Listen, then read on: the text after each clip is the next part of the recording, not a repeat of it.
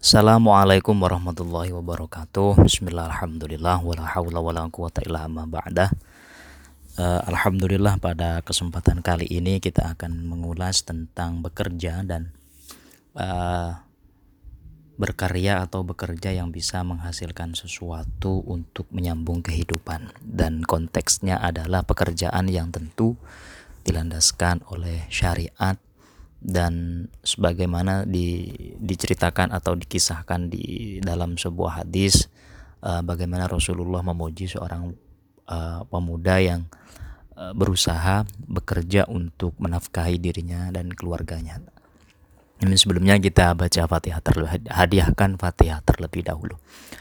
Ila hadratin Nabi Mustafa Muhammadin sallallahu alaihi wasallam wa ila aswaji Allah wa durrati wa ikhwanihi minal anbiya wal mursalin wa wa khususan ila mu'alif hadzal kitab wa jami'i mu'alifil kutub. Wa jami'i man syahina wa muta'alina wa ustadzina ba'na wa ummatina wa jadina wa jadatina Syai'unillahi lahumul fatihah A'udhu billahi rajim. Bismillahirrahmanirrahim. Alhamdulillahi rabbil alamin. Ar-Rahmanirrahim. Bismillahirrahmanirrahim. Kitabu Adabil Kasbi wal Ma'ashi uh, Pembahasan tentang etika atau tata krama Atau hal-hal yang perlu diketahui oleh halayak umum terkait sebuah profesi atau pekerjaan. Wal ma'ashi uh, ini termasuk sinonim dari kata al kasbu yaitu hal-hal yang bisa menghasilkan uh, yang menghasilkan bahas dan sifatnya materi. Dalam kitab Ihya Ulumuddin kitab ini termasuk pembahasan yang nomor tiga dan ini dikategorikan sebagai kitab rubul adat yang yang dilakukan oleh uh, seluruh manusia di muka bumi ini tentu Bismillahirrahmanirrahim Fadlul kasbi wathu alaihi keutamaan bekerja dan uh, anjuran untuk giat dalam bekerja. Jadi bekerja itu jangan di apa namanya? Jangan dikonotasikan terhadap sesuatu yang jelek atau sesuatu yang diarahkan terhadap uh, perihal orang yang materialistis dan semacamnya karena tidak tidak semua orang bekerja itu seperti itu. Ada beberapa eh, rekan atau kawan saya yang memang mendapatkan pekerjaan artinya menikmati pekerjaan mereka sehingga pekerjaan tersebut bukan menjadi sebuah lifestyle atau sebuah hal-hal yang hmm, uh, glamor tapi memang kebutuhan karena memang uh, mereka memiliki tanggung jawab untuk menafkahi dirinya sendiri juga terlebih menafkahi keluarga baik itu berupa orang tua dan uh, terlebih anak-anak mereka. Sehingga di dalam Islam itu diajarkan untuk giat dalam bekerja. Bahkan ada sebuah hadis yang mengatakan bekerjalah seakan-akan uh, kamu hidup selamanya dan beribadahlah atau sholatlah atau semacamnya seakan-akan kamu besok mati gambaran sederhana dari hadis yang disampaikan oleh Rasulullah tersebut adalah uh, bahwasanya uh, mari kita tempatkan posisi kita ketika melakukan sesuatu agar lebih loyal di dalamnya. Artinya ketika kita bekerja, kita kerahkan seluruh tenaga dan pikiran untuk menghasilkan sesuatu yang bermanfaat tentunya. Dan marilah kita beribadah untuk menghasilkan sesuatu yang sesuai dengan targetnya sehingga ada keseimbangan yang didapat. Bukankah uh, Nabi mengajarkan doa yang disebut dengan doa sabu jagat Rabbana atina dunya hasanah wa fil akhirati hasanah wa qina adzabannar. Jadi dari doa tersebut bisa digambarkan bagaimana uh, keinginan dari penduduk uh, yang ada di muka bumi ini khususnya umat Islam itu untuk memiliki kehidupan yang hasanah yang baik. Baik itu bisa diartikan secara materi cukup, kemudian kebutuhan juga cukup, kemudian secara psikologis juga mereka uh, spiritual juga memiliki kecukupan dalam hal-hal tersebut sehingga dalam melaksanakan ibadah yang sifatnya wajib tentu akan terasa lebih ringan. Bukankah uh, dengan bekerja kita akan mendapatkan sebuah income atau penghasilan yang kalau itu bisa kita gunakan untuk hal-hal yang positif tentunya itu akan sangat sangat membantu dan sangat uh, memudahkan kita dalam dalam melaksanakan ibadah. Dan orientasi dari setiap ibadah yang kita lakukan atau media ibadah yang sering kita lakukan juga uh, ada ada ada hubungan yang yang saling bersinergi antara bekerja dan beribadah. Bahkan di dalam satu kesempatan uh, pekerjaan yang kita lakukan itu bisa dinilai dikategorikan sebagai sebuah ibadah kalau ada niat di dalamnya. Jadi uh, untuk pembahasan lebih lanjut nanti kita sampaikan. Amma min kitabi hal ini sudah dianjurkan di dalam Al-Qur'an. Min kitabi faqauluhu ta'ala firman Allah taala wa ja'alna nahara ma'asya dan Allah menjadikan siang sebagai ma'ash tempat di mana orang mencari nafkah. Jadi Allah Ta'ala membicarakan tentang time atau waktu yang digunakan oleh halayak umum untuk bekerja dan mencari nafkah. Walaupun di, di zaman sekarang sudah tidak, uh, maksud saya bukan sudah tidak relevan, tapi berkembang. Artinya uh, orang bekerja sekarang bukan hanya di siang hari, tapi juga ada yang bekerja di malam hari. Misal mereka yang kebagian shift malam tentu di, dikategorikan bekerja dan saya rasa tidak tidak jadi masalah itu loh asalkan tidak diforsir. Artinya ada waktu yang digunakan untuk keluarga dan bekerja. Tapi pada dasarnya Allah Ta'ala waja'alan nahara ma'asya Allah Ta'ala menjadikan siang itu uh, sebagai tempat untuk be bekerja. Di mana kalau siang itu uh, segala hal aktivitas dan semacamnya memang di belahan dunia mana pun saya kira itu lebih lebih rame, saya kira lebih kondusif dan lebih lebih lebih terjangkau di mana kalau siang kita tidak butuh penerang di mana kalau waktu siang itu tidak kita tidak butuh eh, hal-hal yang sifatnya mungkin berhubungan dengan listrik dan semacamnya sehingga lebih lebih fleksibel, lebih memudahkan kita untuk melakukan pekerjaan dan dan profesi kita tentunya. Kalau pekerjaan itu di malam hari tentu membutuhkan hal-hal yang bisa digunakan atau media atau alat yang harus kita gunakan pada waktu malam hari agar uh, penglihatan, kemudian uh, alat bantu yang bisa uh, memudahkan kita di dalam pekerjaan. Sehingga mayoritas pekerjaan itu uh, dilakukan pada siang hari. Walaupun tidak menutup kemungkinan ada pekerjaan yang memang dilakukan di malam hari yang jelas uh, ini hanya gambaran masalah waktu saja itu perumpamaan. Fadzakarahu fi ma'rodil imtinan dan Allah Ta'ala menuturkan an-nahar siang itu fi ma'rodil imtinan tempat di mana Allah menganugerahkan nikmat. Artinya ketika orang bekerja kemudian mendapatkan hasil, itulah nikmat yang telah Allah berikan di waktu yang telah Allah catatkan. Dan kalaupun ada yang bekerja di malam hari tentu itu tidak salah. Itu hal yang wajar sekali mungkin karena mereka mendapatkan bagiannya pada malam hari sehingga uh, ya tidak ada bedanya dengan siang hari. Toh siang harinya mereka gunakan untuk istirahat. Waja'alna lakum fiha ma'aisha qalilan ma tashkurun dan Allah taala menjadikan bumi itu tempat untuk bekerja. Tapi qalilan ma tashkurun.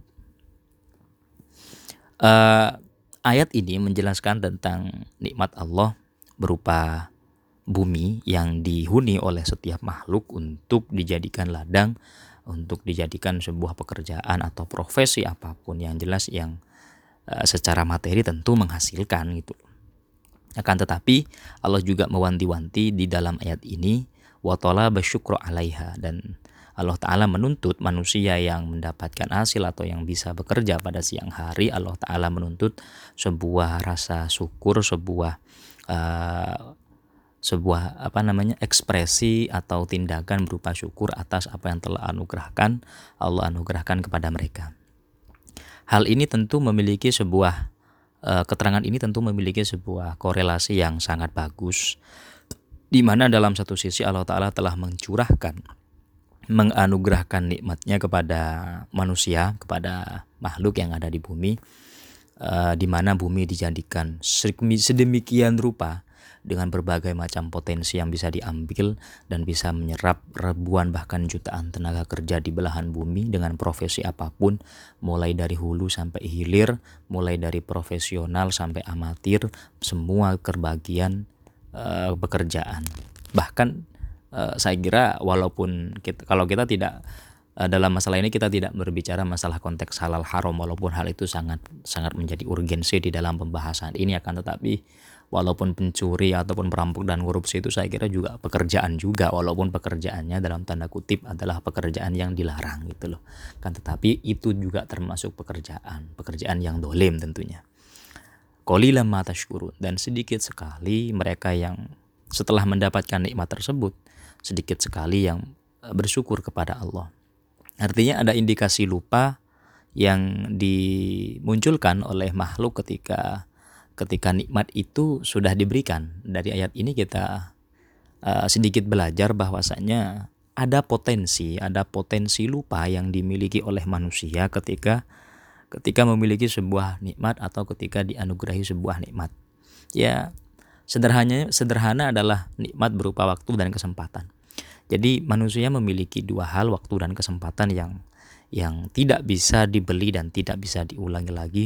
Dua hal tersebut adalah uh, sebuah nikmat yang luar biasa yang yang dianugerahkan oleh Tuhan kepada kita. Dan qalilan matashkurun sedikit sekali dari mereka yang bisa mengolah, bisa memanage, bisa mengatur waktu dan kesempatan sehingga lalai. Nah, bagaimana kita terbengkalai dengan satu dua pekerjaan, bagaimana kita lupa bahwasanya waktu kita terbuang sia-sia, bagaimana kesempatan yang diberikan oleh Allah, diberikan oleh uh, takdir digunakan dengan tidak sebaiknya sehingga menjadikan kita uh, menyesal di kemudian hari. Itu masih dalam taraf di dunia, artinya masih hal-hal yang sifatnya belum uh, menjangkau terhadap ukhrawi atau akhirat sehingga uh, mari kita jadikan waktu dan kesempatan yang sudah dianugerahkan secara gratis oleh Allah Subhanahu wa taala.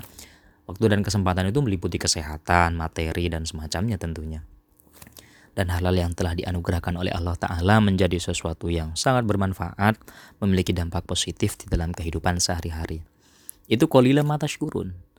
Artinya indikasi dari orang yang uh, potensi, maaf, potensi yang dimiliki oleh manusia untuk lupa bahwasanya mereka dituntut untuk mensyukuri, mensyukuri nikmat yang telah Allah berikan itu dengan mengoptimalkan, dengan me, uh, mengoptimalkan dan berusaha sekeras tenaga atas waktu dan kesempatan serta kesehatan yang telah dianugerahkan oleh Allah Ta'ala dengan dengan giat bekerja tentunya. Waqala ta'ala dalam dalam ayat yang lain dalam surat Jumat eh, Allah taala berfirman fantasyiru fil ardi wabtahu min fadlillah uh, yaitu idza nudiya lis-sholati min yaumil jum'ah uh, dan ketika sholat Jumat setelah selesai fantasyiru fil ard maka rambahlah atau jangkaulah seluruh ke seluruh tempat yang ada di bumi wabtahu min fadrillah dan carilah anugerah Allah yang tersebar di seluruh penjuru dunia. Artinya uh, ayat ini mengindikasikan hal yang sederhana yang ingin diajarkan oleh Allah Subhanahu wa taala kepada manusia yaitu Allah taala menganugerahkan hal yang tidak bisa dijangkau oleh akal manusia dan Allah Ta'ala memerintahkan kita untuk menjangkaunya dengan bekal berupa akal dan pengetahuan yang diberikan kepada kita. Artinya Allah Ta'ala menganugerahkan sebuah knowledge, sebuah pengetahuan, sebuah ala ilmu kepada kita untuk mengolah, untuk memanage uh, agar kita bisa menggapai anugerah yang telah Allah sebar di seluruh penjuru dunia. Artinya ada jutaan bentuk pekerjaan yang yang yang profesi yang sudah tidak mainstream. Saya contohkan sederhana mungkin.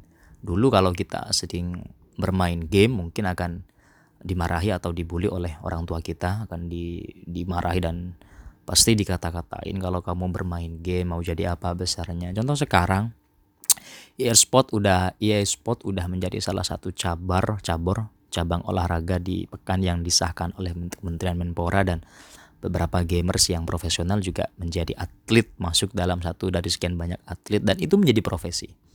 Hal yang uh, mungkin 20 atau 30 tahun silam tidak terduga dan sekarang benar-benar menjadi hal yang realistis yang menjadi sebuah uh, apa namanya? bisa menjadi sebuah profesi yang yang menguntungkan secara materi bahkan di beberapa YouTube ada beberapa konten gamers yang sering menjadi trending. Hal itu menunjukkan uh, begitu banyak potensi, begitu banyak hal yang yang yang bisa menghasilkan. Tergantung kreativitas dan tergantung kreativitas dan kesabaran dari dari orang itu sendiri untuk mengolah dan menjemput anugerah yang telah Allah anugerahkan yang telah Allah sebarkan kepada kita semua. Dan tentunya harus memiliki kreativitas memiliki sebuah uh, uh, passion kemauan memiliki sebuah semangat dan tentunya memiliki pengetahuan. Itu hal pokok yang Allah anugerahkan kepada kita dan dengan hal tersebut kita menjadikan hal tersebut media untuk menggapai semua anugerah yang telah Allah tebar di muka bumi ini. Wa amal akhbaru faminha qawlu dan ada indikasi dari beberapa hadis Nabi Muhammad bersabda la ayyakhudha ahadakum niscaya salah satu di antara kalian mengambil hablahu tali fayahtatiba ala dhahri lalu mengikat kayu garing di atas pundaknya khairun min ayat ya rojulan hal tersebut lebih baik daripada mendatangi seorang laki-laki. A'tahullahu min fadli yang telah Allah anugerahkan uh, harta yang lebih kepada laki-laki tersebut. Fayas alahu lalu laki-laki yang tidak memiliki apa-apa meminta kepada laki-laki yang dianugerahi tersebut.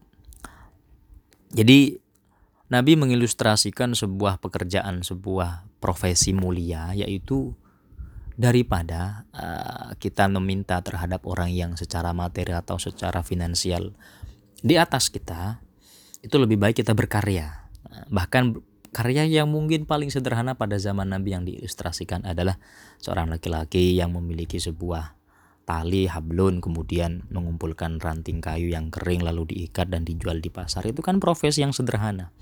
Dia tidak perlu memiliki effort tidak perlu memiliki usaha yang terlalu terlalu terlalu besar tidak perlu memiliki skill yang luar biasa tidak perlu memiliki pengetahuan yang luar biasa. Dia cukup memiliki semangat cukup memiliki kekuatan dan kesehatan dan mengumpulkan kayu kayu ranting-ranting yang kering yang dia kumpulkan lalu diikat itu kan pekerjaan yang remeh tapi yang kalau bisa menghasilkan pada zaman dulu tentu itu lebih mulia lebih berharga daripada uh, ada seorang laki-laki yang secara fisik mungkin sehat mental juga sehat punya kesempatan tapi dia hanya meminta kepada orang yang dianugerahi lebih jadi secara tidak langsung dalam hal ini Nabi mengajarkan sebuah etos kerja yang tinggi. Jadi etos kerja itu sangat sangat dianjurkan di dalam agama karena itu wasilah. Tujuannya tentu agar memudahkan kita hidup di dunia, baik kemudahan dalam uh, dalam beribadah dan kemudahan dalam menafkahi keluarga. Bukankah lebih baik kita memiliki keluarga yang cukup untuk melakukan untuk membeli dan mengkonsumsi sesuatu daripada kita memiliki keluarga yang secara finansial mungkin di bawah di bawah di bawah angka kemiskinan biasanya gitu. Jadi saya kira ini real, realistis sekali. Yang diajarkan oleh Nabi itu hal-hal yang sangat realistis. Jadi Nabi itu orang yang luar biasa. Maksud saya pangkat atau derajat di muka bumi ini yang paling mulia tidak ada yang melebihi baginda Nabi. Nabi ketika meminta pasti akan di, diterima, pasti akan di, dikabulkan oleh Allah Subhanahu wa taala. Tapi Nabi tidak meminta kaya. Nabi bekerja. Nabi juga ke pasar berdagang, bahkan sebelum diangkat menjadi nabi beliau berdagang, mengembala kambing dan seterusnya. Beliau kalau Anda atau teman-teman mungkin membaca dalam Sirah Nabawiyah atau dalam uh, apa eh, cerita-cerita uh, dalam hadis-hadis yang diriwayatkan atau dikisahkan oleh sahabat Anas dan uh, sahabat-sahabat Nabi yang terdekat pasti akan melihat seorang yang pekerja keras. Nabi itu orang yang pekerja keras, memiliki sebuah kemauan, kegigihan yang yang yang luar biasa. Secara tidak langsung hal tersebut mencontohkan kepada manusia, kepada hamba maaf kepada makhluk uh, kepada umatnya untuk giat dalam bekerja. Uh, tapi yang membedakan pekerjaan kita dengan orang lain adalah uh, niatan uh, atau niat dari apa yang telah kita lakukan itu loh. Jadi dalam hal ini Nabi mencontohkan sebuah etos kerja yang luar biasa agar manusia tidak bermalas-malasan, agar umat Islam agar memiliki uh, daya saing terhadap orang lain sehingga ketika kita bisa bekerja kita bisa menafkahi kita bisa mencukupi kebutuhan paling tidak kebutuhan diri kita sendiri tentu itu memiliki nilai-nilai nilai yang luar biasa gitu loh dan itu memang diwajibkan di dalam Islam Kemudian wakana Shallallahu Alaihi Wasallam dan suatu ketika Nabi jalisan duduk-duduk ma ashabihi beserta dengan para sahabatnya. Data yaumin pada suatu hari. Fanadhoru ila syabin. Lalu para sahabat, sahabat-sahabat Nabi yang duduk bersama itu melihat seorang pemuda di jildin, wa kuwatin yang memiliki tubuh perkasa dan dan memiliki uh, apa namanya bentuk tubuh yang luar biasa itu dan dari bentuk tubuh yang perkasa itu para sahabat juga menaksir bahwasanya pemuda itu memiliki kekuatan yang juga luar biasa, yang yang yang seusianya itu. Wakot bakar yas'a faqalu wayhun dan pemuda tersebut bergegas keluar dari rumahnya di pagi hari. Faqalu lalu para sahabat mencelanya itu artinya mengata-ngatai. membuli waihun hadza law kana syababuhu wa jilduhu fi sabilillah taala faqala artinya para sahabat ketika melihat seorang pemuda dengan tubuh yang yang yang masih perkasa tubuh yang masih sehat eh, pagi-pagi sekali keluar dari rumahnya dan jelas tujuannya untuk bekerja oleh para sahabat ketika itu dicela dicela aduh sayang sekali pemuda ini andaikan tubuh yang kekar tubuh yang sehat dan tubuh yang bagus itu digunakan untuk kebaikan di jalan Allah tentu hal tersebut lebih baik kepada pemuda tersebut itu loh lalu uh, hebatnya respon yang disampaikan oleh Nabi. Fakola Nabi Shallallahu Alaihi Wasallam. La takulu hadha, jangan berkata demikian. Fa innahu sesungguhnya ingkana kharaja yas'a kalau pemuda itu keluar ala waladihi bekerja untuk mencukupi putra putrinya sigoron yang masih kecil fahuwa fisabilillah maka hal tersebut e, sama dengan orang yang e, sedang me, apa namanya meninggikan agama Allah atau memang dalam berjalan di jalan Allah. Artinya bekerja memang untuk e, ibadah itu loh. Ada nilai ibadah yang dimiliki oleh pemuda itu kalau uh, dia bekerja untuk mencukupi mencukupi keluarganya. Wa in kana kharaja yas'a ala nafsi ya'affa wa sabilillah. Fa in kana kharaja yas'a kalau pemuda itu keluar ala nafsihi untuk mencukupi dirinya ya'uffu ya'uffuha yang dan bisa memproteksi dirinya dari meminta terhadap orang lain atau mengharap pemberian orang lain fahuwa fi sabilillah maka orang tersebut juga di disabilillah artinya ada nilai ibadah yang dimiliki oleh pria tersebut. Tapi wa ingkana kharajajas aryaan kalau dia keluar hanya untuk terlihat oleh orang lain, wa mabakhorotan dan ketika dia bekerja hanya untuk dipamerkan hasilnya kepada orang lain, fahuwa fisa syaiton maka orang tersebut di jalan setan. Menarik sekali untuk diulas di dalam hadis ini di mana secara tidak langsung uh, para sahabat menilai uh, menilai sebuah bentuk ibadah yang yang dilaksanakan oleh orang lain adalah ibadah yang mungkin sering dilakukan misalkan puasa, sholat, kemudian membaca Al-Quran, iktikaf dan semacamnya. Oke lah kita cat kita catat hal tersebut sebagai sebuah ibadah yang memang dianjurkan sangat dianjurkan oleh oleh oleh agama. Akan tetapi ada ibadah lain yang tentunya memiliki sifat, memiliki pekerjaan, memiliki sebuah kecukupan itu juga bisa dinilai dari bentuk ibadah. Di dalam kitab Arba'in Nawawi hadis nomor satu yang diajarkan oleh Rasulullah atau yang ditulis oleh Imam Nawawi adalah hadis tentang niat. Innamal a'malu bin niat. Segala pekerjaan itu didasari atas niat yang dilakukan, niat yang diucapkan di dalam hati orang yang bekerja. Faman nawa hijratuhu ilallah fahuwa fahuwa ilaihi. Barang siapa yang niat uh, hijrah atau niat melakukan sesuatu itu didasari karena Allah Ta'ala maka dia akan mendapatkan pahala gitu loh Semisal ada orang bekerja untuk mencukupi keluarganya dan me menjaga dirinya agar tidak mengharapkan atau meminta dari harta orang lain. Itu orang tersebut kata Nabi fisabilillah. Maka niatnya itu adalah untuk menolong dan melaksanakan kewajiban yang telah dibebankan oleh agama kepada dia. Di mana dari dalam agama dikatakan beban menafkahi seluruh keluarga itu berada di pundak seorang kepala keluarga. Sehingga ketika kepala keluarga itu bekerja dengan niat untuk melaksanakan pertama melaksanakan perintah Allah berupa menafkahi anak istrinya, kemudian dua agar anak istrinya itu tercukupi, yang ketiga agar dirinya itu terproteksi dari meminta tentu apa yang dia lakukan jauh lebih banyak memiliki nilai ibadah daripada dia sholat sunnah. Kenapa? Karena uh, dalam di dalam uh, apa namanya ko kitab kaidah kaidah fikih dikatakan ibadah yang sifatnya mutaaddi itu lebih baik daripada ibadah yang muktasir. Artinya muktasir itu ini ibadah yang dilakukan atau ibadah yang manfaatnya itu kembali kepada dirinya sendiri. Misal orang baca Quran, orang sholat sunat itu kan manfaatnya kembali kepada orang yang melaksanakan. Tapi kalau dia bekerja kemudian menafkahi keluarganya tentu ada manfaat lain yang dirasakan oleh keluarga terlebih kalau dia bisa menjadi bos sehingga memiliki banyak karyawan nah, sehingga eh, banyak orang yang terbantukan atas perusahaan atas sebuah uh, tempat kerja yang dia lapangan pekerjaan yang telah ia buka sehingga ada begitu banyak orang yang yang terbantu atas atas pekerjaan yang mereka miliki. Tentu itu jauh lebih banyak.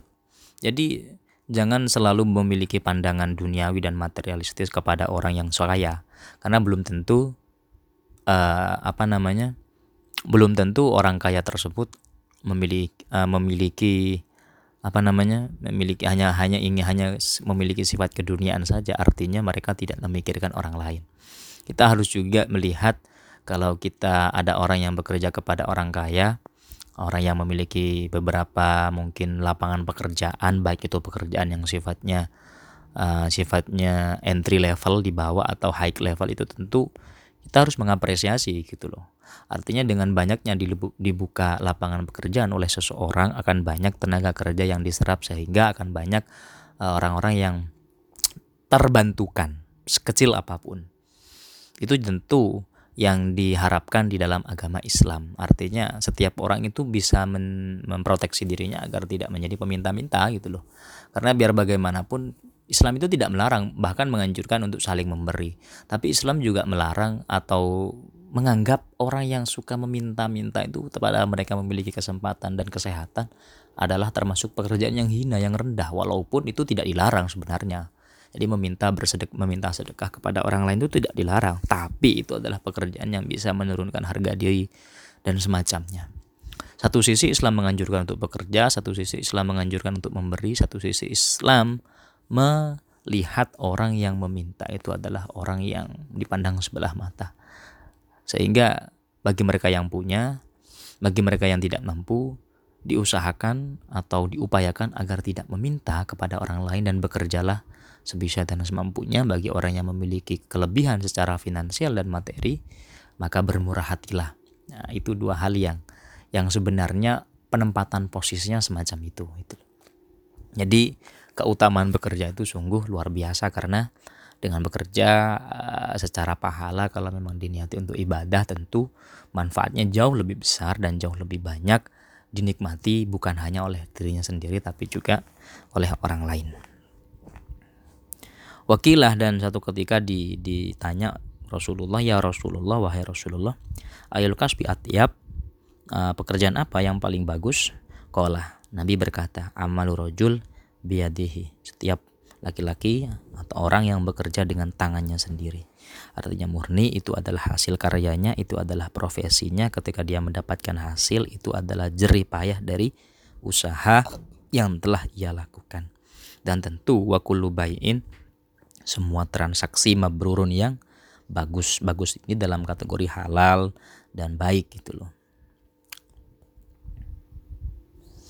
Waqala Umar radhiyallahu anhu dan Sayyidina Umar berkata, layak untuk ahadukum antola birizki.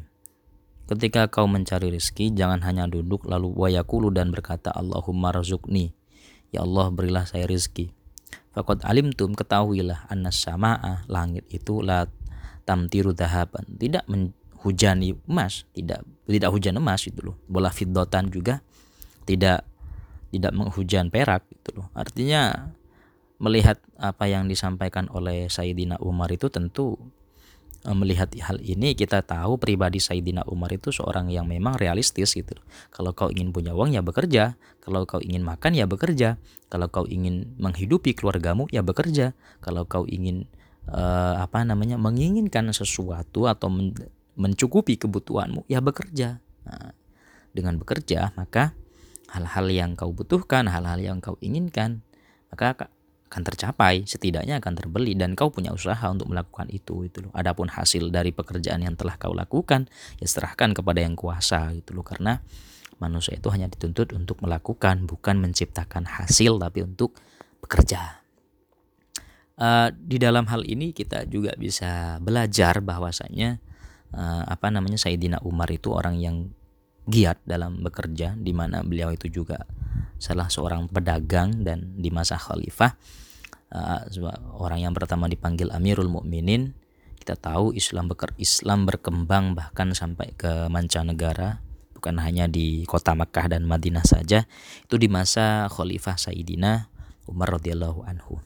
Dan memang Sayyidina Umar itu sangat menjaga uh, pekerjaan-pekerjaan yang yang ada pada masanya. Dan beliau itu termasuk salah satu sahabat yang memiliki visi yang jauh ke depan. Orang yang visioner sekali dan sangat-sangat realistis dan optimis terhadap apa yang beliau lakukan. Sehingga nah, melihat dari apa yang disampaikan Sayyidina Umar sangat sangat berkesan sekali atau sangat mendalam pesan yang disampaikan oleh beliau bahwa cukupi kebutuhanmu dengan bekerja jangan hanya dengan meminta atau mengharapkan sesuatu yang tidak realistis itu. Jadi dari Sayyidina Umar kita bisa belajar menjadi pribadi yang mungkin lebih giat dalam melakukan pekerjaan dan semacamnya. Adapun hasil ya tentu Sayyidina Umar itu orang yang beriman dan percaya dengan takdir gitu loh. Jadi walaupun kita bekerja ya juga harus percaya dengan yang namanya takdir. Waqala Ibnu Mas'ud, Ibnu Mas'ud berkata, "Inilah akrahu an ara rajulan fariqan." Saya itu sangat tidak suka melihat orang yang laki-laki yang menganggur la fi amri dunyahu wa la fi amri akhiratihi. Ja, baik itu dalam urusan dunianya atau urusan akhiratnya itu loh. Jadi Ibnu Mas'ud itu sangat suka dengan laki-laki yang memiliki etos kerja yang giat tentunya.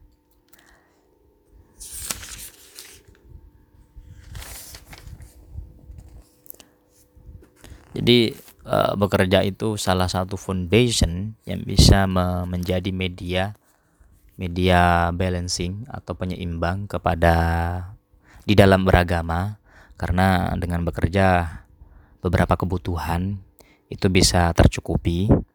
Bukan keinginan ya soalnya kalau keinginan itu kadang orang bisa apa namanya bablas itu loh bisa terlewat uh, karena untuk menggapai keinginannya jadi bekerjalah untuk memenuhi kebutuhan, bukan bekerja untuk memenuhi keinginan. Toh walaupun itu keinginan, selama itu bisa dan realistis, ya silahkan lakukan.